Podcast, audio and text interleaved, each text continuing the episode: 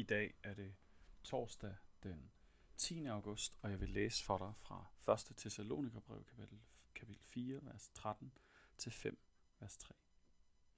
Brødre, vi vil ikke, at I skal være uvidende om dem, der sover hen, for at I ikke skal sørge som de andre, der ikke har noget håb. For så sandt som vi tror, at Jesus døde og opstod ved Gud os, ved Jesus, fører de hensovet sammen med ham. For det siger vi jer med et ord af Herren. Vi, der lever og endnu er her, når Herren kommer, skal ikke gå forud for de hensovede.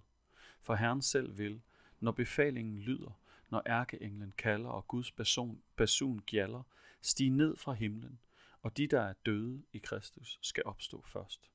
Så skal vi, der lever og endnu er her, rykkes bort i skyerne sammen med dem for at møde Herren i luften. Og så skal vi altid være sammen med Herren.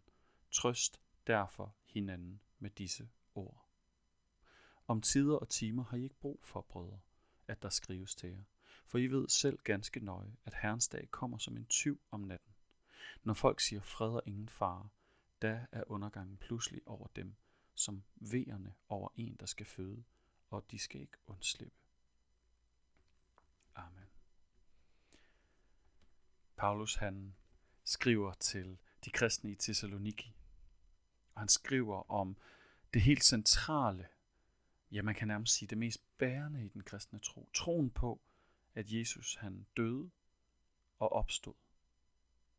Og fordi Jesus døde og opstod fra de døde levende, så ændrer det vores forhold til døden. Ja, det er måske lidt tungt her på en almindelig torsdag lige at tale om døden, men måske er du ligesom mig der, hvor døden bare nogle gange kommer til at fylde. Det kan være sorg eller minder. Det kan være, fordi du lige nu står og savner et menneske. Det kan være, fordi døden har taget noget fra dig, og du føler sorg. Og Paulus har intet imod sorg. Han mener, vi skal sørge. Vi skal sørge. Det er naturligt. Det er godt. Det viser os, at der var en, vi elskede, som nu er væk. Vores kærlighed kan ikke finde sin modtager. Og det er smertefuldt. Men på grund af det, Jesus har gjort, så har vi håb. Håb, som dem, der ikke tror på de dødes opstandelse, ikke har. Dem, der ikke tror, at der er et efterliv. De må sørge i håbløshed, hvilket er ubærligt, hvilket fører til, at man er nødt til at distrahere sig på en eller anden måde, eller gøre sig selv ufølsom, umenneskelig faktisk. Og i dag får vi så at vide, at ikke bare skal vi sørge, men vi skal sørge med håb. Vi skal sørge med det håb, at vi får lov at se dem igen. At vi selv, hvis vi nu selv er syge eller ramt af dødsangst, at vi en dag selv skal få lov at stå op fra de døde og mødes med Herren.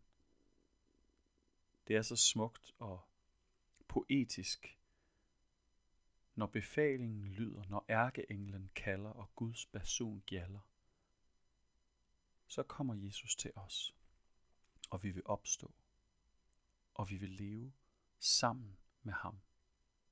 Vi vil møde ham, så skal vi altid være sammen. Det er trøsten, vi har at holde fast i, med i sorgen, med i smerten, med i savnet. Lad os trøste hinanden med de her ord. Så hvis du kender et menneske, der sørger, men som har svært ved at sørge håbefuldt, så er det måske i dag, at du skal tage kontakt og spørge, hvad de tænker om efterlivet, og hvad du tænker. Hvis du har troen på efterlivet, hvis den er stærk, så er det ikke frygt, så er det ikke håbløshed, men forventning, tro midt i sorgen, der fylder. Lad os bede sammen. Gud, vi kan alle rammes af sorgen eller af frygten for døden. Herre, hjælp os til at tro, at ligesom du opstod, skal vi selv opstå. Vores kære skal opstå, og vi skal se dem igen.